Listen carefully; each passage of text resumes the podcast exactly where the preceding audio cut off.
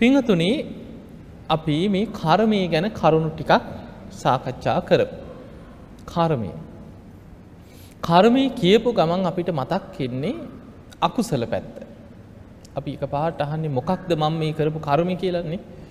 එතකොට අපිට හිතෙන්නේ මේ කර්මය කියපු ගමන් ආ මේක දුකක්.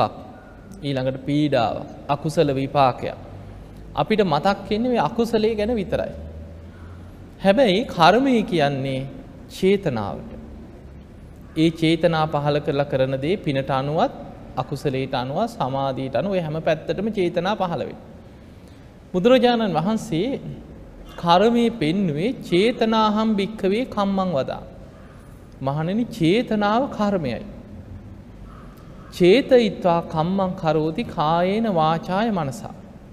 අපි චේතනා පහල කළ කර්ම රැස් කරන කායේන. වාචාය මනසා. අපි ක්‍රියා කරනකොට අපි කය මුල් කරගෙන කරන හැම ක්‍රියාවක් තුළම චේතනාවක් තුළයි ඒ ක්‍රියාව සිදුවේ. ඊළඟට වාචාය අපි කතා කරන හැම වචනයකටම පෙර හිත ඇතුළි සකස් වෙන එකට කියෙන විතක්ක විචාර කිය. චේතනාවක් පහල කරල තම වචන කතා කර. මනසා අපි හිතෙන් හිතන හැම සිතුවිල්ලක් තුළම චේතනාව තියෙනවා. එතකොට අපේ සිත කය වචනය කියන තුන් දොරම ක්‍රියාත්මක වෙන්න චේතනාවක් ඇතුව. එතකොට හැම වෙලාවෙම අපිට කර්ම රැස්සේ. චේතනාව නම් කර්මය චේතනාවක් තුළ නං අපේ සිතකය වචනය ක්‍රියාත්මක වෙන්න එහිනම් හැම වෙලාවෙම කර්ම රැස්වෙන. ඊළඟට බුදුරජාණන් වහන්සේ මේ කර්ම රැස් කරන ස්ථාන හයක් පෙන්න්නන. ඒ තමයි අපි ඇහැට පේන රූප ගැන චේතනා පහල කරනවා එකට කියෙන රූප සංචේතන. එකත් කර්මය. කනට ඇහෙන සබ්දය ගැන චේතනාවක් පහළ වෙන සබ්ද සංචේතන. නාසයට දැනෙන ගඳ සුවඳ ගැන චේතනා පහළ කරන ගන්ධ සංචේතන. දිවට දැනෙන රසේ ගැන චේතනාවක් පහළ කරන රස සංචේතන. කයට දැනෙන පහස ගැන චේතනා පහළ වෙන පොට් හබ්බ සංචේතන. මනසෙන් මේවා ගැන හිත හිතා හිත හිතා චේතනා පහළ කරන ධම්ම සංචේතන. එහෙනම් අපිට පේනවා අපේ ඇස කන නාසය දිව කය මනස. මේ ආයතන හය තුළින්ම කර්ම රැස්සෙන. දැන් එහෙනම් අපිට තේරෙන්නට ඕන අපි ඇහැ කන නාසය දිවකය මනස කියන මේ ආයතන හය අපි පරිහරණය කරනවන. අපි අවදියෙන් සිහියෙන් ක්‍රියාත්මක සුරූපයෙන් අපි ඉන්නවන. මැරිල නැති සිහියෙන් ඉන්න හැම කෙනෙකුටම සිතකය වචනය ක්‍රියාත්මක වෙනවා කියන මේ ආයතන හය ඔස්සේ හැම වෙලායම කර්ම සකස් වෙනවා. දැන් එතකොට අපිට පේනවා එහෙමනම් කර්මයක් නැතුව අපිට ඉන්න පුළුවන්කමක් නෑ හැම වෙලායම කර්මයක් හැදෙන. ඒ නිසා බුදුරජාණන් වහන්සේ අපිට මේ කර්ම රැස් නොකර ඉන්න තැනක් ගැන පෙන්නල නෑ හැම වෙලායම කර්ම හැදෙනවා. හැබැයි උන්වහන්සේ අපිට කරන්න එපා කියන්නේ එක කොටසක් විතරයි. සබ්බ පාපස්සා කරන පාපි අකුසල් කරන්න එපා කිය. එහෙමනම් අපි වලකින්න ඕනෑ අපේ සිත කය වචනය මුල් කරගෙන කරන අකුසල් වලින් තමයි වලකින්න කිය. ඒව කරන්න එපා. කුසලස් උපසම්පදා අන්න කළ යුතු කර්ම තියෙන. අපේ සිත කය වචනය මුල් කරගෙන කුසල් වඩන්න පින් කරන්න දන් දෙන්න සිල් රකින්න භාවනා කරන්න. යහපත් වචන කතා කරන්න. යහපත් ක්‍රියාවල ඒදෙන් මෛත්‍රී සහගත යහපත් දේවල් හිතන් ඒ හැම වෙලායම සිතකය වචනය මුල් කරගෙන සකස්වෙන්ට පිනම් පුුණ්‍ය කරම. එතකොට කර්මයක් රැස් නොකර ජීවත්වෙන්න බෑ කාටවත් හැම වෙලායම කර්ම රැස්සේ. විපාක ශක්තියක් නැතුව රැස් වෙන කර්ම කීපයක් තියෙන. ඒ තමයි නිදාගෙන ඉන්නකොට හීනෙන් දැන් අපි ගමු අපි හීනෙන් දකිනව හොරකමක් කරන. දැන් නැකිටපු ගමන් හොරෙක් නෑ. හීනෙන් ගහගන්නවා තරහකාරයන්ගේ ගෙවල් ගිනි තියෙනවා සැබෑ ජීවිතය කරගන්න බැරිදිවල් ගොඩක් හීන පේ නොන සමහරු ඒක තමයි හිතේ ස්භාව අපි සැබෑ ජීවිතය අපි හිතෙන් වෛර කර කර ඉන්නවා. සමහට හීනෙන් දකිනවා මේ පුද්ගලයාව මරනවා. හීනෙන් දකිනවා ගහනවා ඊළඟට නොයෙක් දේවල්. හැබැයි අපි නැකිට්ට ගමන් ආ මිනිමරුවෙක් වෙලා නෑ. සිහිනේ තුළ බුදුරජාණන් වහන්සේ සිහින ගැන පෙන්නන්නේ මහනෙනි සිහින කියලා කියන ජීවිතය වඳ බවයි කිය. සිහිනෙ තුළ විපාක ශක්තියක් නෑ වඳයි කිය. සිහින කියන්නේ ජීවිතයේ පල රහිත බවක් කියන ඒක ප්‍රතිඵලයක් නෑ පල රහිතයි. සිහින කියන්නේ ජීවිතයේ මුලාවයි කිය.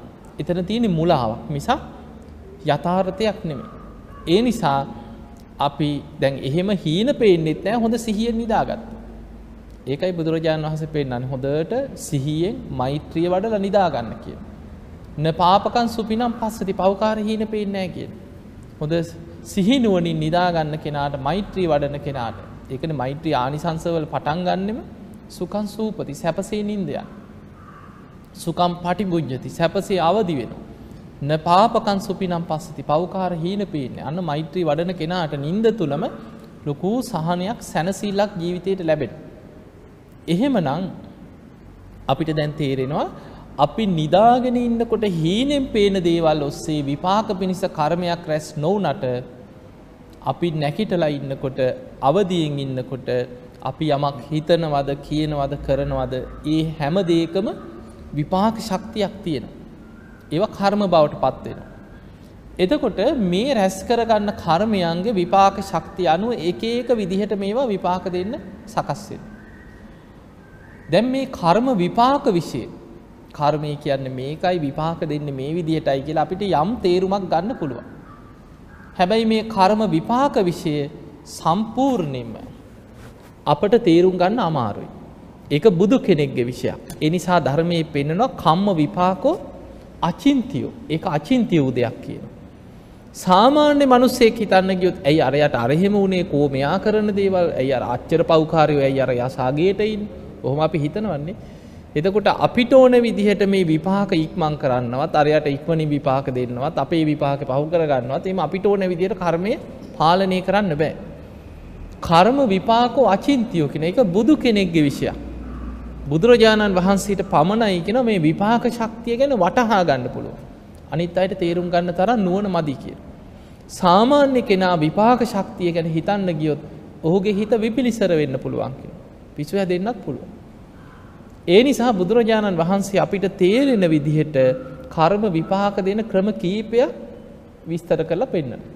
ඒ තමයි අපි ඒ සිතෙන් කයින් වචනයෙන් රැස් කරගන්න කර්මයන්ගේ විපාක ඒවැ සමහර විපාක තියෙනවා මෙලව මතු වෙලා විපාක දෙන්න දේවල් තියෙන. ඒවට අපි ධර්මය කියනවා දිට්ට දම්ම වේදනය කම්ම විපාක. අපි රැස් කරගන්න කර්මයන්ගේ විපාක කොටසක් මෙලවදිව මතු වෙලා විපාක දෙන්න පුළුව. ඒක කුසල් පැත්තට වෙන්නත් පුළුව අකුසල් පැත්තට වෙන්නත් පුළුව. එතකොට ඒ විපාකවලට අපි කියෙන දිට්ට දම්ම වේදනය කම්ම විපාක මෙලෝම විපාකද. සමහර කර්ම තියෙනවා මෙලව විපාක දෙන්නේ නෑ. ඊළඟ ජීවිතේ තමයි විපාක හම්බෙන දැන් ආනන්තරී අකුසලතේ වගේ දැන් හිතන්න අජා සත්ව රජ්ජුරු. තමන්ගේ තාත්ත මරලා පීටරූ ගහතන අකුසලයක් කරගත්. ඒ විතරක් නෙමෙයි ඉතින් බුදුරජාණන් වහන්සේ මරන්නත් දේවදත්තට දුනුවායන් දුන්නේ කවුද? අජාසත්ත රජ්ජුරුවන්ගේ දුනු ශිල්පීන් ටික තමයි දුන්නේ. ඊළඟට නාලාගිරි ඇතාගේ අයිතිකාරය කවුද රජ්ජුරු? අජාසත්ත රජ්ජුරුවන්ගේ ඇත්ගාල හිටපු ඇතා තමයි ඉල්ලගත්තේ.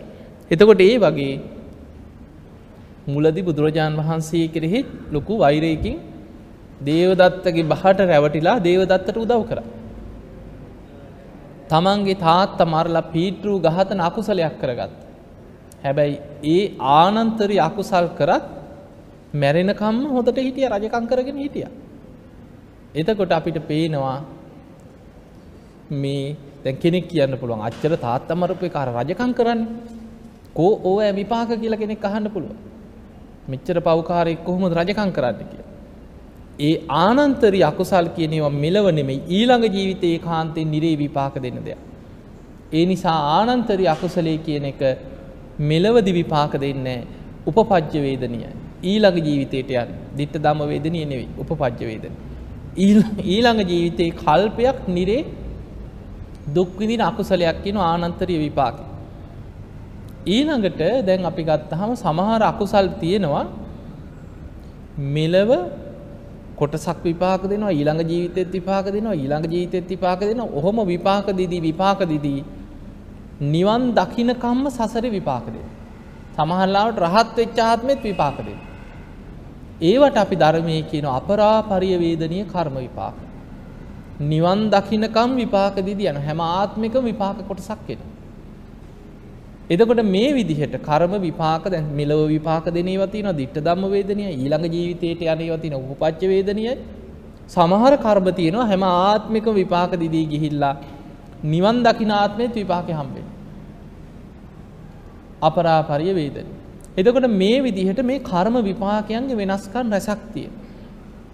එතකොට දැන් ඔය බුදුරජාණන් වහන්සේගේ කාලෙ හිටිය තෝ දෙය කියලා බමුණේ. බෝම මසුරු ලෝභ බ්‍රාහ්මණේ. තමන්ගේ දරුවෙකුටවත් හම්බ කරපු දෙයක් දුන්නේ හැබැයි කහවණු කෝටි ගණන් තිබ්බ ධනවතෙක්. මේවා ඔක්කොම වත්තේ කෙරෝලක ගිහින් හැංගුවා. හංගලා තිබ්බා. මෙහෙම ඉඳලා හරියට කෑවෙන ඇඳුමක් ඇන්දිනේ නොකා නොබී බොහෝම දුකසේ තමයි හිටියේ. අර ඔක්කොම කහවණු ටික හංගගෙන. මෙහෙම ඉඳලා මැරුණා. එතකොට මැරෙනකොට මතක් වෙන්නේත් අර හංගපු කහවනුනේ ඔය ආස කරපු දේවල් ඕවා තමයි මැරුණකොට මතක් වෙන්නේ. දැන් මැරුණට පස්සේ මිනිස්සු නගරේ මිනිස්සු කතා වුණා ඔය බමුණනම් ඉන්නකම් මසුරුයි ලෝභයි. ওই තෝදෙය ගැන ඉපදිච්ච තැන අහගන්නවා නම් යම් කියව බුදුරජාණන් වහන්සේ ළඟට උන්වහන්සේගේ විස්තරය දැනගන්න පුළුවන්. දැන් මිනිස්සු ගිහිල්ලා බුදුරජාණන් වහන්සේට වන්දනා කරලා අහනවා ස්වාමීනි භාග්‍යතුන් වහන්සේ අර තෝදෙය බමුණා. බොහොම මසුරුයි ලෝභයි. ඔහු මරණයට පත් වුණා ඉපදුනේ කොහිද කියලා ඇහුවා. බුදුරජාණන් වහන්සේ නිහඬව ඒ කතාව ගැන උත්තරයක් දුන්නේ නැහැ පළවෙනි වතාවේ. දෙවනි වතාවෙත් ඇහුව දෙවනි වතාවෙත් උන්වහන්සේ නිහඬ වුණා. තුන්වෙනි පාරත් මේ පිරිසාර ස්වාමීනි භාග්‍යතුන් වහන්සේ අර තෝදෙయ్య කොහෙද ඉපදුනේ? බුදු කෙනෙක්ගේ ස්වභාවය තමයි තුන් පාරක් අහනකොට සමහර ප්‍රශ්න වලට උත්තර දෙනවා. බුදුරජාණන් වහන්සේ තුන්වෙනි වතාවේ කියනවා ඔබ නැවත නැවතත් ඒ ප්‍රශ්නේම අහනවා. එහෙනම් මතක තියාගන්න කිව්ව තෝදෙయ్య බමුණා අර තමන් ගොඩ ගහගත්ත වස්තුව ගැන ආසාවෙන් මැරිලා ඒ සිටු මැදුරෙම බල්ලෙක් වෙලා ඉපදිලා ඉන්නවා කියවද. දැන් මේ කර මිනිස්සුන්ට දැන් බොහොම රසවත් හොඳ කතාව. දැන් හැම්ම තැනම කියාගෙන කියන්න බල්ලගේ විස්තරේ අන්න තෝදෙය බමුණා ඉන්නකනුත් ඔය විදිහට තමයි හිටියේ අන්න බුදුරජාණන් වහන්සේ කිව්වා ඔය සිටු මැදුරේම බල්ලෙක් වෙලා ඉන්නවලු කියලා හැම තැනම කී කියා ගියා. දැන් මේක නිකන් ලැබු ගින්නක් පැතිරෙනවා වගේ නගරේ පැතිරිලා ගියා. තෝදෙය බමුණගේ පුතා තමයි සුබ කියන මානවකයා. සුබ තරුණේ. සුබ තමයි නම. ඔහුටත් දැනගන්න ලැබුණා. ඔහුට ආරංචි වුණා අන්න බුදුරජාණන් වහන්සේ තමන්ගේ පියතුමා සිටුවරයා මිය පරලොව ගිහිල්ලා බල්ලෙක් වෙලා ඉපදින්න ඉන්නවා කියලා කීවා කියලා. ඒ වෙලාවේ මොකද කරේ? තරහ ගියා. කල්පනා කරා මම ගිහින් බුදුරජාණන් වහන්සේගෙන් අහගන්නම් ඕක කියලා ආවා. ඇවිල්ලා ජේතවනාරාමයට ආවට බුදුරජාණන් වහන්සේ දකින්නකොටම අර හිතේ තිබ්බ තරහව සංසිඳුණා. එහෙම වන්දනා කළ පැත්තකින් වාඩි වෙලා අහනවා ස්වාමීනි භාග්‍යතුන් වහන්සේ ඔබ වහන්සේ මෙහෙම කතාවක් කිව්වද? අපේ තාත්තා මැරිලා මේ සිටු මැදුරේම බල්ලෙක් වෙලා ඉන්නවා කියලා ඔබ වහන්සේ කිව්වද කියලා ඇහුවා. දැන් බුදුරජාණන් වහන්සේ ඕකට කිව්වද නැද්ද? ඒවට උත්තර දෙන්න ගියේ නැහැ. බුදුරජාණන් වහන්සේ වදාලා මේ සුබ ඔබටම ඕකේ ඇත්ත නැත්ත බලාගන්න උපක්‍රමයක් කියන්නම්. ඒ තමයි අද ගිහිල්ලා අර බල්ලව හොඳට බලු කුක්කව නාවන්න කිව්වා. ආදරින් නාවන්න කිව්වා. ආස කරන දේවල් හොඳට කන්න දෙන්න කිව්වා. කන්න දීලා නිදි කරවලා නිදාගත්තට පස්සේ නිින්ද යනකොට හොඳට ඔළුව අත ගගා ආදරෙන් ළඟට වෙලා ඉන්න කිව්වා.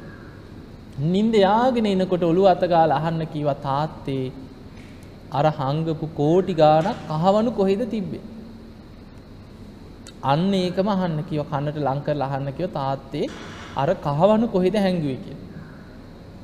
දැන් සුබ මානවකයටත් මේ කැහුවට පස්සේ අර ආපු ප්‍රශ්නේ තමතකුණ. ඉතින් බල්ලගෙන් හරි සල්ලිනේ හම්බෙන්නේ නේ හංගපු කහවණු ටිකට.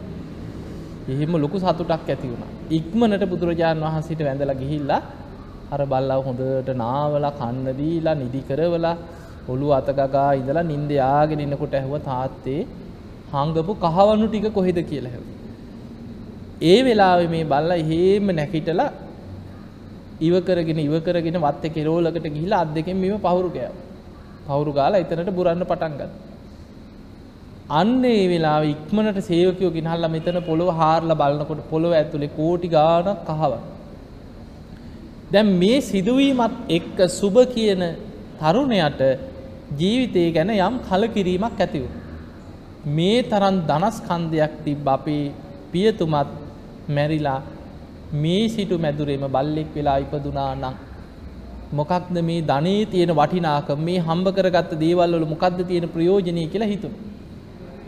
ඒ වෙලාවේ සුබ කියන මානවකයා මේ මිනිස්සුන්ගේ තියෙන වෙනස්කම් මේ ඔක්කොම ගැන කල්පනා කරලා කල්පනා කරලා බුදුරජාණන් වහන්සේව හම්බෙන්න එනවා ප්‍රශ්න ගොඩාක් අරගෙන. ඇවිල්ලා බුදුරජාණන් වහන්සේට වන්දනා කරලා එකත් පසකින් වාඩි වෙලා අහනවා ස්වාමීනී භාග්‍යතුන් වහන්සේ දැන් අපි කවුරුත් කියන්නේ මේ මනුස්ස ලෝකේ උපදින්නේ පිනක් නිසා කියලානේ. කවුරු ඇහුවත් කියනවා මනුස්ස ජීවිතයක් ලැබෙන්නේ පිනකට. එතකොට මේ සුබ අහනවා ස්වාමීනි මනුස්ස ලෝකේ උපදින්නේ පිනකට නම් ඇයි ඇහුව සමහරු දීර්ඝායුෂ ලබනකොට සමහරු මනුස්ස ලෝකේ අඩු වයසෙන් මැරෙනවා. කොටසක් දීර්ඝායුෂ විඳිනවා අවුරුදු 80 90 ජීවත් වෙනවා. කෙනෙක් එක්ක මව් කුසේ මැරෙනවා එක්ක ඉපදිච්ච ගමන් මැරෙනවා එක්ක පුංචි වයසේ මැරෙනවා. ඇයි කෙනෙකුට දීර්ඝායුෂ ලැබෙන්නේ? ඇයි කෙනෙක් අඩු වයසෙන් මැරෙන්නේ? ඊළඟට අහනවා ස්වාමීනි භාග්‍යතුන් වහන්සේ මට ඒ විතරක් නෙමෙයි. සමහරු ඉන්නවා කිව්වා උපන්දා ඉඳන් ලෙඩ. ඔය සමහර දරුවෝ ඉන්නවා ඉපදිච්ච දවසේ ඉඳන් ඉතින් අම්මලා වඩාගෙන ඉස්පිරිතාල ගානේ. නිතර ලෙඩ රෝග බහුලයි. හැබැයි තමයි ඉන්නවා නිරෝගී සම්පත්තියෙන් යුක්තයි. කලාතුරක ඉතිගුණක් හෙම්බිරිසාාවක් හැදෙනවා. ඒ අරන්න ලොකු අසනීපයක් නෑ. එතකොට නිරෝගී සම්පත්තිය ලැබෙන ඉන්න. සමහරු ඉන්න බොහොම ලස්සනයි. කෙනෙක් ඉන්නවා විරූපී කැතයි. තව කෙනෙක් බොහොම පෞර්ෂවත් හොඳ පෙනුමක් තියෙන පෞර්ෂයක් තියෙන. යන යන තැන ඒ ගෞරවේ කීර්තිය ලැබීම් සියල් අර පෞර්ෂය නිසා ලැබෙන. තව කෙනෙක් ඉන්නවා කිසිම පෞර්ෂයක් නෑ පෙනුමක් නෑ කොතන ගියත් එහෙම පිළිගැනීමක් නෑ. ඊළඟට ස්වාමීණී භාග්‍යතුන් වහන්සේ සමහරු ඉන්නවා හොඳ ප්‍රඥාවන්තයි. කියපු ගමන් යමක් වැටහෙනවා නුවණ තියෙන. ඒ අතර නුවණ අඩු මන්ද බුද්ධික සිහි කල්පනාව නැති අයත් ලෝකේ ඉන්නවා. ස්වාමීණී ඇයි මේ වෙනස්කම්? ඊළඟට අහනවා ස්වාමීණී භාග්‍යතුන් වහන්සේ ඒ විතරක් නෙමෙයි. සමහරු බොහොම පොහොසත්. ඒ වගේමයි මොන්න තරන් දුක්වින්දත් මොන තරං උපක්‍රම යෙදුවත් එදා වේලවත් හම්බ කරගන්න බැරි විශාල පිරිසක් ලෝකඉන්න. එතකොට කොටසක් පොහොසත් වෙනකොට ධනවත් වෙනකොට සුළු උත්සාහෙන් දියුණුවෙන මිනිස්සුයි. සමහරු ජීවිත කාලෙම මොන තරං උපක්‍රම යෙදුවත් උත්සාහ කරත් කරන කරන හැම දේම කඩාගෙන වැටෙන. එදකොට මෙහෙම උනේ ඇයි කියලැහු. කොටසක් පොහොසත් කොටසත් දුප්පත් කෙනෙක් දීර්ඝායුෂ විදිනවා කෙනෙක් අඩු වයසෙන් මැරෙනවා කෙනෙක් නිරෝගී කෙනෙක් ලෙඩ රෝග බහුලයි කෙනෙක් ලස්සනයි කෙනෙක් කැතයි කෙනෙක් පෞරුෂවත් කෙනෙක්ගේ පෞරුෂයක් නැහැ ඊළඟට කෙනෙක් කුලවත් කෙනෙක් කුලහීනයි. මේ වගේ සමාජ වෙනස්කම් ඇයි කියලා ඇහුවා අන්න එතකොට බුදුරජාණන් වහන්සේ වදාළ සුබ ඔය සියල්ලට හේතුව තමයි කීවා කම්මස්ස කෝම්හි කම්ම දායාදු කම්ම යෝනි කම්ම බන්දු කම්ම පටිසරණ. යංකම්මං කරිස්සාමි කල්්‍යයානංවා පාපකංවා තස්සදායාද. කම්මස්ස කෝමයි. කර්මය ස්වකීය කරගෙනයික මේ සත්‍යයන් ජීවත්තේ. කම්ම දායාද කර්මය දෑවැද්ද කරගෙන තමයික මේ සත්‍යයෝ ජීවත්තේ. කම්ම පටිසරනු කර්මය තමයික මේ සත්‍යයන්ගේ පිළිසරණ පිහිට. කම්ම යෝනි කර්මය තමයිකව උපත්තිය තීරණය කරලා තියෙන මනුස්ස ලෝකේද නිරේද ප්‍රේත ලෝකේද ඉපදීමට අරගෙන ඇවිල්ලා තියෙන පෙර කරපු කර්මය. යංකම්මං කරිස්සාමි කල්යාණංවා පාපකංවා තස්සදායාද. යම් කර්මයක් කරොත් යහපත් ඒක යහපත් විපාක තමන්ට ලැබෙනවා. තමා කරපු දේ අයහපත් නම් ඒක අයහපත් විපාකේ තමාටම තමයික ඔය ඇවිල්ලති. ඒ නිසා සුබ ඔය සියලු වෙනස්කං තම තමන් සසර රැස්කර ගත්ත කර්මයන්ගේ විපාක මතයිකි ඔයි ලැබිලති. දැන් ඔය ටික කිව් පමණි සුභ කියනවා ස්වාමීණී ඔය ටික මට තව ටිකක් විස්තර කරලා කියලා දෙන්නේ කිය. මට තේරෙනවා හැබැයි මට විස්තර ඇතුව කියන්න කිය තවත් තේරුම් ගන්න. එතකොට බුදුරජාණන් වහන්සේ එකින් එක එකින් එක පෙන්වනවා. බුදුරජාණන් වහන්සේ වදාළ මේ සුබ සමහරු ඉන්නවා කිව ප්‍රාණඝාත කරනවා සත්තු මරණ. කයෙන් අකුසල් කරන. සතුම් මරන්න කෙනෙක් පොළඹෝන. ප්‍රාණඝාතයට යොමු කරවුණු ප්‍රාණඝාතය යොදවන. ඒ විදිහට නිතර නිතර ප්‍රාණඝාතාදී අකුසල් කරමින් පිරිස ඒවැය යොදෝපු අය බොහෝ වෙලාවට ඒ අකුසලේ බලවත් වෙලා මරණින් මත්තේ නිරේ යන්න ඊට වැඩි හැබැයි බැරි වෙලාවත් පෙරපිනකින් හරි මනුස්ස ලෝකෙට ඇදිලා આવොත් අඩු වයසෙන් මැරෙනවා. ඔන්න අඩු වයසෙන් මැරෙන්න හේතු. ඊළඟට බුදුරජාණන් වහන්සේ වදාළ සුබ ඔබ කිව්වනේ දීර්ඝායුෂ ලැබෙන්න හේතුව මොකද්ද කියලා? ඒකට හේතුව තමයි කීවා ප්‍රාණඝාතයෙන් වැළකී.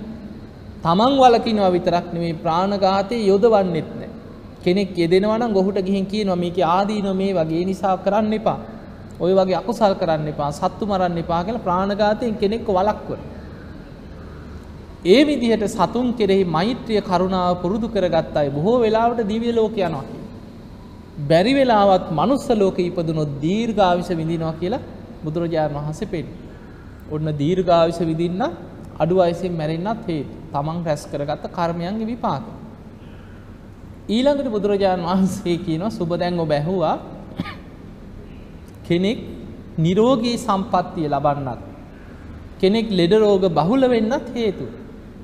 ඒකට කියනවා දැන් සමහර ඉන්න සත්තු මැරුවේ නැති වුණාට සතුන්ට වද දෙනවා. ගහනවා. ඊළඟට තුවාල කරනවා පුච්චනවා. අඩුබඩු කඩනවා. සතුන්ට හරියට හිංසා කරනවා. මරලා නැහැ හැබැයි නොයෙක් විදිහට වද හිංසා කරනවා සතුන්.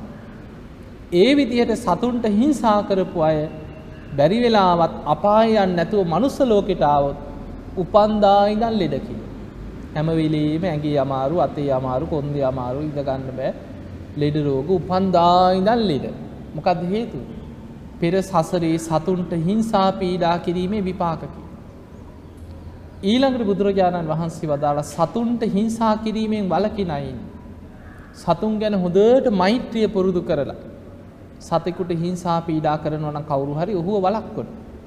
ඒ විදිහට මෛත්‍රී සිත පුරුදු කරගෙන ප්‍රාණඝාතය දෙන්නෙත් නෑ සතුන්ට හිංසා කරන්නේ. එහෙම අය දීර්ඝායුෂ විතරක් නෙමෙයි නිරෝගී සම්පත්තියක් ලබනවා කිය. එතකොට බලන්න එකින් එක එකින් එක තමන්ට තමන්ම සසරේ රැස් කරගත්ත පිනේ විපාක සසරි දන් දෙන කෙනා පොහොසත් වෙලා උපදින. සුළු උත්සාහයෙන් දියුණු වෙන්න පුළුවන් කියලා. බොහොම ලස්සන සිදුවීමක් තියෙන සුමනා කියන සූත්‍රය. මේකේ තියෙනවා කාශ්‍යප බුද්ධ ශාසනයේ එකට පැවිදි වෙලා භාවනා කරපු දෙන්න. කාශ්‍යප බුදුරජාණන් වහන්සේ කාලේ එකට පැවිදි වෙලා හොඳට භාවනා වඩපු ස්වාමින් වහන්සේලා දෙනවා. හැබැයි මේ දෙන්න විදර්ශනාව හොඳට වැඩුවා. එක ස්වාමීන් වහන්සේ නමක් භාවනා කරන එක විතරක් නෙමෙයි මෝනීය වතපිරුවා. මෝනීය වතපුරනවා කියන්නේ උන්වහන්සේ පින් කරගත්ත හරියට දන් දුන්න. උන්වහන්සේ දන් දෙන්නේ කොහොමද? උන්වහන්සේ උදේ පාන්දර නැගිටලා පින්ඩ පාත යනවා. තමන්ගේ පාත්‍රයට ලැබිච්ච දාන ටික ඇවිල්ලා ආරාමේ ඉන්න අනෙක් ස්වාමීන් වහන්සේලාගේ පාත්‍ර වලට පූජා කරනවා. පූජා කරලා ආයෙමත් පින්ඩ පාත යනවා. ওই විදිහට දාන පින්ඩ පාත කරගෙන ඇවිල්ලා අනෙක් ස්වාමීන් වහන්සේලාට දන් දෙනවා. එහෙම දන් දීලා ඉතුරු වෙන ටික තමන් වළඳලා ඔන්න ඊට පස්සේ භාවනා කරනවා. දැන් එක ස්වාමීන් වහන්සේ නමක් හරියට දන් පින්කම් කරා මෝනීය වතපුරමින් භාවනා වැඩුවා. තමන්ගේ යහළුවා මිත්‍රයා විදර්ශනා විතරක් වැඩුවා දන් දුන්නේ නැහැ. පින්ඩ පාත ගියා තමන්ට ලැබෙන දාන ටික අරගෙන කැලේට වෙලා භාවනා කර කර හිටියා. වෙන පිනක් කරගත්තේ නැහැ. විදර්ශනා පැත්ත විතරයි දියුණු කරේ. එතකොට මෙහෙම හිටපු මේ දෙන්නා භාවනා කළා මරණයට පත් වෙලා දිව්‍ය ලෝකේ ඉපදුනා. හැබැයි දිව්‍ය ලෝකේ ඉපදුනේත් වෙනස්කම් ඇතුව. අර මෝනෙය වතපුරමින් දන් දීපු කෙනා මහේශාක්‍ය දෙවි කෙනෙක් වෙලා ඉපදුනා. භාවනා විතරක් කරපු කෙනා අල්පේ ශාක්‍ය දෙවි කෙනෙක් වෙලා ඉපදුනා. එතකොට සැප සම්පත් වලින් අඩුයි. එහෙම දිව්‍ය ලෝකේ ඉඳලා හැබැයි දෙන්නම හොඳ ප්‍රඥාවන්තයි. දිව්‍ය ලෝකෙදි දෙන්න එකතු වෙලා ධර්ම සාකච්ඡා කරා බණ භාවනා කරා ධර්මයේ නුවණින් විමසමින් ඉඳලා ගෞතම බුදුරජාණන් වහන්සේ පහළ වෙච්ච කාලේ දෙන්නම හොඳ සිහිනුවණින් එකට දිව්‍ය ලෝකෙන් චුත වුණා. චුත වෙලා අර පින් කරපු කෙනා කොසල් රජ්ජුරුවන්ගේ අගමෙහෙසීකගේ බිසවකගේ කුසේ ඉපදුනා. අර අල්පේ ශාක්‍ය වෙලා භාවනා විතරක් කරගෙන පින් කරපු නැති කෙනා දිව්‍ය ලෝකෙන් චුත වෙලා ඒ මාලිගාවෙම වැඩකාරියකගේ සේවිකාවකගේ කුසේ ඉපදුනා. දෙන්නම එකම දවසේ ඉපදුනේ මනුස්ස ලෝකෙ. අර කුසේ වැඩිලා මනුස්ස ලෝකේ එකම දවසේ කුසල් රජුරුවන්ගේ මාලිගාවේ දරුවෝ දෙන්නෙක් එදා ඉපදුණා. මේ දරුවෝ දෙන්න එකම දවසේ රජ්ජුරුවන්ගේ පුතෙක් හැටියට බිසවකගේ දරුවෙක් හැටියට ඉපදිච්ච දරුවයි අර සේවිකාවකගේ දරුවෙක් හැටියට ලැබිච්ච දරුවයි දෙන්න එකම දවසේ ලැබිච්ච නිසා රජ්ජුරුවන්ගේ රාජ මාලිගාවේ කාම්බරයක දෙන්නම නිදිකරෝල සතපොල තිබ්බා. හැබැයි රජ්ජුරුවන්ගේ දරුවෙක් හැටියට ලැබිච්ච කෙනා රත්තරන් තොටිල්ලක රන් යහනාවක තොටිල්ලක තමයි දරුවා නිදි කෙරෙව්වේ. අර වැඩකාරියෙකුට ලැබිච්ච දරුවා ඒ කාම්බරීම පැදුරු කෑල්ලක බිම නිදි කරවලා තිබ්බා. හැබැයි දෙන්නම පෙර හොඳට භාවනා කළ විදර්ශනා වඩලා පින් ඇතුව දිව්‍ය ලෝකෙන් සිහිනුවණින් චුත වෙච්ච දෙන්න. දැන් අර තොටිල්ලේ නිදාගෙන ඉඳලා ඇස් සැරලා බලනකොටම ಜಾති ස්මරණ ඥානෙ පහළ වුණා. Taman දිව්‍ය ලෝකේ ඉඳන් ආවා කියලා වැටහුණා. අර පෙර භාවනා කළ සසරේ බොහෝ පින් කරපු පින. එතකොට ಜಾති ස්මරණ ඥානෙ පහළ වෙලා වටපිට බැලුවා කොමගේ යහළුවා මිත්‍රයා. බලනකොට දැක්කා අර පොඩි දරුවා දිව්‍ය ලෝකෙන් චුත වෙච්ච කෙනා තමයි මේ මගේ යාළුවා පැදුරු කෑල්ලක බිම ඉන්නවා. ඒ දිහා බලලා කතා කරා. ඉපදිච්ච ගමන් කතා කරපු සිදුවීමක් හැටියට දේශනාවේ තියෙන. අර තොටිල්ල හිටපු දරුවා හැරිලා අර බිම ඉන්න ළමයාගෙන් අහනවා. යහළුව මම ඔබට කිව්වා දන් දෙන්න, පින් කරන්න, මෝනෙය වත පුරන්න කියලා. ඔබ මං කියපු දේ ඇහුවේ නේ. ඒකේ විපාක පේනව නේද? ඇහුව අද ওই පැදුරු කෑල්ලක ඉන්නේ නිසා තමයි කිව්වේ. ඒ කියනකොටම සිහිය ඉපදිලා ජාති ස්මරණ ඥානෙ පහළ වුණ අර දරුවට. අර පැදුරු කෑලේ ඉන්න ළමයා. පැදුරේ ඉපදුනත් පෙර භාවනා කළ විදර්ශනා වටලා හොඳට පිං බහුල කරගත්ත ප්‍රඥා ඉන්ද්‍රිය වඩපු කෙනෙක්. හැරිලා කියනවා රත්තරන් තොටිල්ල හිටියත් ඉදිමෙන්න එපා කියෝ. ඔබේ ශරීරේ තියෙන්නේ මගේ ශරීරේ තියෙන්නේ සතර මහා ධාතුන්ගෙන් හටගත්ත කුණප කොටස් තමයි කියෝ. මේ ළමයි දෙන්න මේ එදා ඉපදිච්ච දරුව දෙන්න මේ කතා කරන හඬ ඇහුන සුමනාවට සුමනාව කියන්නේ කොසල් රජ්ජුරුවන්ගේ නැගණිය. සුමනාව කියන අවුරුදු 7ේදී සෝවාන් වෙච්ච කෙනෙක්. මේක අහගෙන හිටියා. මේ දරුව දෙන්න බලන්න එනකොට කාම්බරයේට ළමයි දෙන්න කතා කරනවා. එදාම ඉපදිච්ච දරුව දෙන්න. සුමනාව මේක හැංගිලා අහගෙන හිටියා. අර දෙන්නගේ කතාව අහගෙන ඉන්නකොට සුමනාවට තේරුණා මේ දෙන්න නම් එසේ මෙසේ දරුවෝ දෙන්නෙක් නෙවෙයි මේ දෙන්න දිව්‍ය ලෝකේ ඉඳන් අහපු මහා පින්වන්ත දෙන්නේ.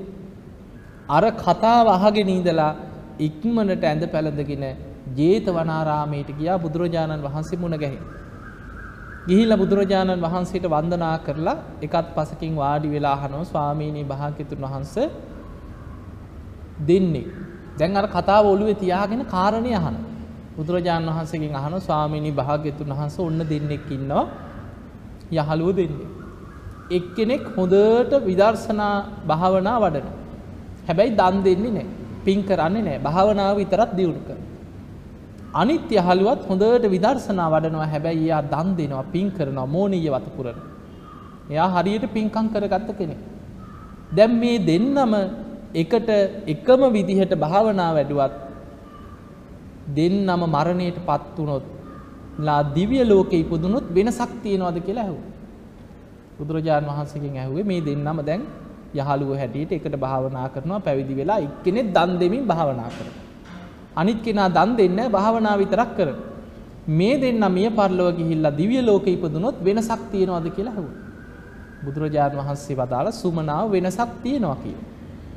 අර දන් දීපු කෙනා භාවනා කරමින් දන් දීපු කෙනා දිව්‍ය ලෝකෙ ඉපදුනොත් අනෙක් සියලු දෙවියන්ට වඩා ආයු වර්ණ සැප බල ප්‍රඥා ආදියෙන් බලවත් කියෝ. මහේ ශාක්‍ය දෙවි කෙනෙක් වෙලා තමයි කිව උපදී. අනෙක් සියලු දෙනාට වඩා බලවන්තයි කිය.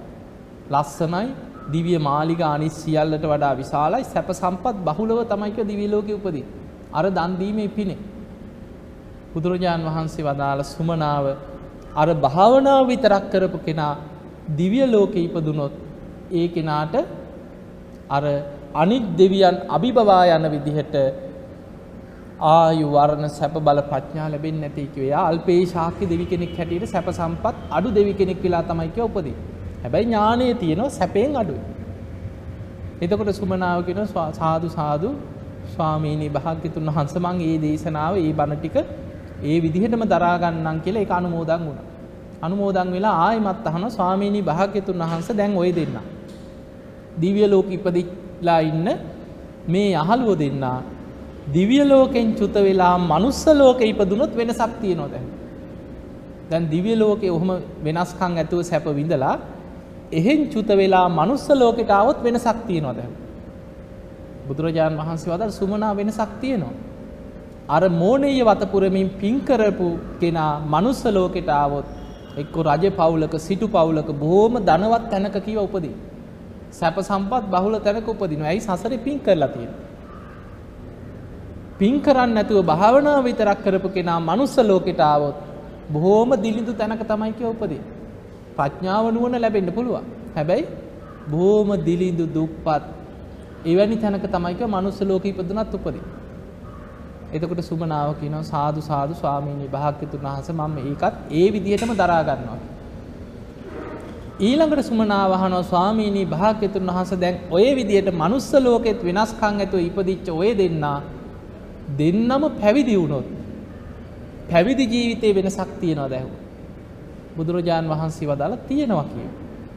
අර සසරේ දන් දීප කෙනා පැවිදි වුණොත් එයාගේ පැවිදි ජීවිතය තුලත් සිව් පසේ බහුලව ලැබෙනවා කිය. පැවිදි වෙච්ච දවසේ ඉඳන් එයාට චීවර පිණ්ඩපාත සේනාසන ගිලම්පස ටික හැමදාම හොඳට ලැබෙනවා. එයාට සැප සම්පත් බහුලයික පැවිදි ජීවිතය තුළ.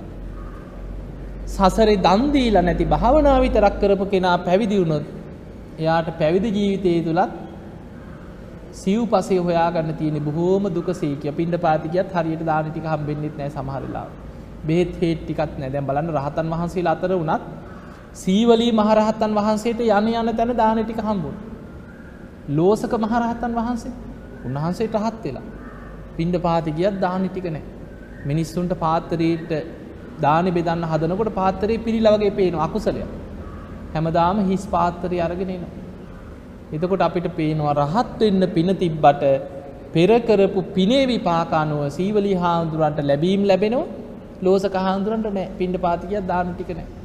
අන්න ඒ වගේ බුදුරජාණන් වහන්සේ වදාලා සුමනාව පෙර සසරේ දන් දෙමින් භාවනා කරපු පින් කරගත්ත කෙනා පැවිදි වුණා සිව් පසේ ටික ලැබෙනවා කියලා. පින් කරපු නැති කෙනාට භාවනා විතරක් කරපු කෙනාට නිවන් දකින්න පුළුවන් හැබැයි බොහෝම දුකසේ දුක්ඛාපටිපදා දුෂ්කර ප්‍රතිපදාවක් තියෙන. පින් කරගත්ත කෙනාට සුඛාපටිපදා සැප සහිත මාර්ගයක් තුල නිවනට යන්න තියෙන. එතකොට සුමනාව කියනවා ස්වාදු සාදු ස්වාමීනි භාග්‍යතුන් වහන්සේ මම එහෙනම් ඒ කාරණයක් ඒ විදිහටම දරා ගන්න. ආයිමත් අහනවා ස්වාමීනි භාග්‍යතුන් වහන්සේ මේ දෙන්න ওই විදිහට පැවිදි වෙලා වීරිය වඩලා දෙන්නම රහත් වුණොත් ඒ රහත් භවයේ වෙනසක් තියෙනවා දැන්. අන්න එතනදි බුදුරජාණන් වහන්සේ වදාළ සුමනාව ඒ දෙන්නම වීරිය වඩලා රහත් වුණොත් අරහත්වේ නම් වෙනසක් නැtei කි. අන්න එතන තමයි කිව්වා වෙනසක් නැත්. අරහත් ඵලයේ වෙනසක් නැහැ. හැබැයි ඒ රහත් වෙනකන් නිවන් දකින්නකන් යන මාර්ගය තුල වෙනසක් තියෙනවා. දන් දෙන කෙනාට තියෙන සැප සහිත මාර්ගය දිව්‍ය ලෝකේ පුතන සැප බහුලයි. මනුස්ස ලෝකෙට ආවත් හොඳ සැප සම්පත් ඇතුව හොඳ ශරීරයක් ඇතුව හොඳ නුවණක් ඇතුව ලෙඩ රෝග අඩුවෙන් දීර්ඝායුෂ ඇතුව මනුස්ස ලෝකේ උපදින. ආයු වර්ණ සැප බල ප්‍රඥා ලැබෙන. නමුත් පින් කරගත්තේ නැති කෙනා මනුස්ස ලෝකේ ඉපදුනත් පෙර පිනකින් හරි මනුස්ස ලෝකෙට ඇදිලාවත් දන් දෙමින් බොහෝ පින් කරලා නැති කෙනාට බොහෝම දුකසේ තමයි කිව ජීවත් වෙන්නේ. එතකොට ওই වගේ වෙනස්කම් තියෙන. එහෙමනම් අපිට පේනවා අපි මේ රැස් කරගත්ත කර්මයන්ගේ විපාක තමයි අපි කවුරුත් මේ ගෙවන්නේ. අපි වපුරපු දේවල් මේ අස්වැන්න හැටියට නෙලනවා. දැන් අපිට මේ ජීවිතේ සැප සම්පත් ලැබෙන්නත් පුළුවන් සැප සම්පත් තියෙන කෙනා බුදුරජාණන් වහන්සේ පෙන්න අපිට මේ විදිහට හිතන්න ක්‍රමය. අනමතග්ග සංයුක්තය උන්වහන්සේ වදාලා දැන් අපි පාරේ යනකොට අපිට පේනවා බොහොම දුකසේ හිඟා කන මිනිස්සු දැක්කා කියලා හිතමු හිඟන්නෙක් ඉන්න. සමහර ලාවට අපිට හිතෙනවා අනේ අපේ අම්මා තාත්තා වගේ නේද. බොහොම අසරණ වෙච්ච පාරේ හිඟා කන මිනිස්සු ඉන්නවා. එතකොට කෑම ටිකක් හොයාගෙන කුණු බාක්කි වල බහැලා ඒව යදිනවා. පිලුණු වෙච්ච දේවල් කනවා බොන. වැරහැලි ඇඳගෙන පාරේ හිඟා කන මිනිස්සු ඉන්න. එහෙම කෙනෙක් දැක්කාම හිතන්න කියනවා මම කොයි තරම්නම් සසරි ඔය වගේ ඉපදිලා ඇද්ද. මම අකුසල් කරලා සසරි කොච්චරනම් ඔය වගේ ඉපදිලා ඇද්ද කියලා හිතන්න කියලා. අපිට හිතෙන්නේ එහෙම නෙමෙයි. අපෝ උපෝපං ආත්මිකවත් ඔය වගේ නම් උපදින්න එපා කියලා තමයි හිතෙන්නේ. ඒ සිතුවිල්ල වැරදි. උපෝපං ආ ඉපදීපති සසර යන්න කැමති. හැබැයි අර වගේ උපතක් නැතුව. එහෙම වෙන්නේ නැහැ. අපි රැස් කරගත්ත කර්මයන්ට අනුව උපදින උපදින තාක් සසරි දුක් විඳ විඳ යන්න වෙනවා. එතකොට බුදුරජාණන් වහන්සේ අපිට පෙන්වන්න හිතන්න කියනවා මම කොච්චරනම් සසර ওই වගේ දුක් සහිත ආත්මවල ඉපදිලා ඇද්ද කියලා හිතන්න. ඊළඟට පාරේ යනකොට දකිනවා බොහොම සැප සම්පත් ඇති ධනවත් අය සිටුවරු. බොහොම සැප සම්පත් ඇති බොහොම ලස්සන මාලිගාවල් තියෙන ලස්සන රූප ස්වභාවයේ තියෙන බොහොම ලස්සන කීර්තිය ගෞරවය සියල්ල ලැබෙන අය ඉන්නේ. එහෙම කෙනෙක් දැක්කහම හිතන්න කියනවා මම සසරේ කොච්චරනම් ওই වගේ සැප විඳලා ඇද්ද? දැන් ඒ සියල්ල නැති වෙලා ගියා. ඒ සියල්ලත් අනිත්‍යයි. අන්න ඒ විදියට හිතන්න කියලා. එහෙමනම් පින්වතුනි අපි යම් සැපයක් විඳිනවා නම් ඒ අපි හසරේ වපුරපු දේවල් වල අස්වැන්න. අපි යම් දුක් පීඩා විඳිනවා නම් මේ ජීවිතය තුළ අපිම සසරේ වපුරපු දේවල් වල ඒ අස්වැන්න නෙලන්න. යම් කම්මං කරිස්සාමි කල්යාණං වා පාපකං වා තස්සදාය. යම් කර්මයක් කරා නම් යහපත් ඒක යහපත් විපාක අපි විඳිනවා.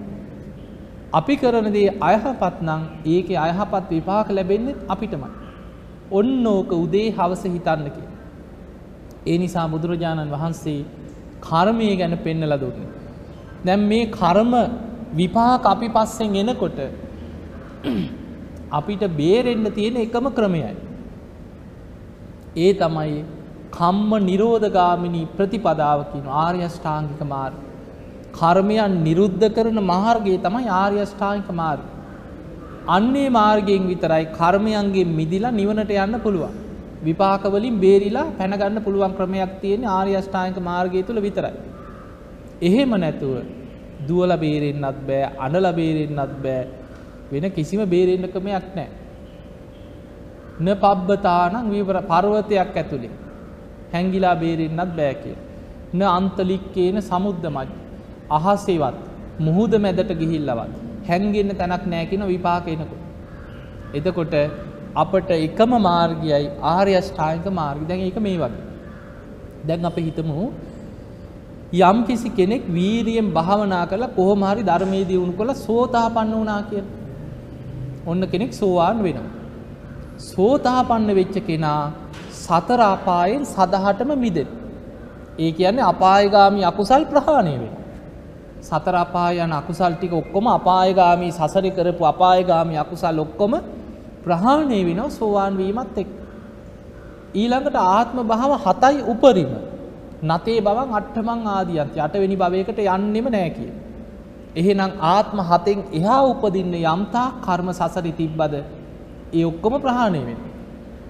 අන්න කර්මයන් ප්‍රහාණය වෙන හැටි සෝවාන් වීමත් එක්ක ආත්ම හතක් තුළ විතරක් සුගතියේ විපාක දෙන්න කර්ම ටිකක් ඉතුරු වෙලා ඉතුරු ඔක්කොම ප්‍රහාණය වෙලා යන අපායගාමී අකුසල් ඔක්කොම ප්‍රහාණය වෙන.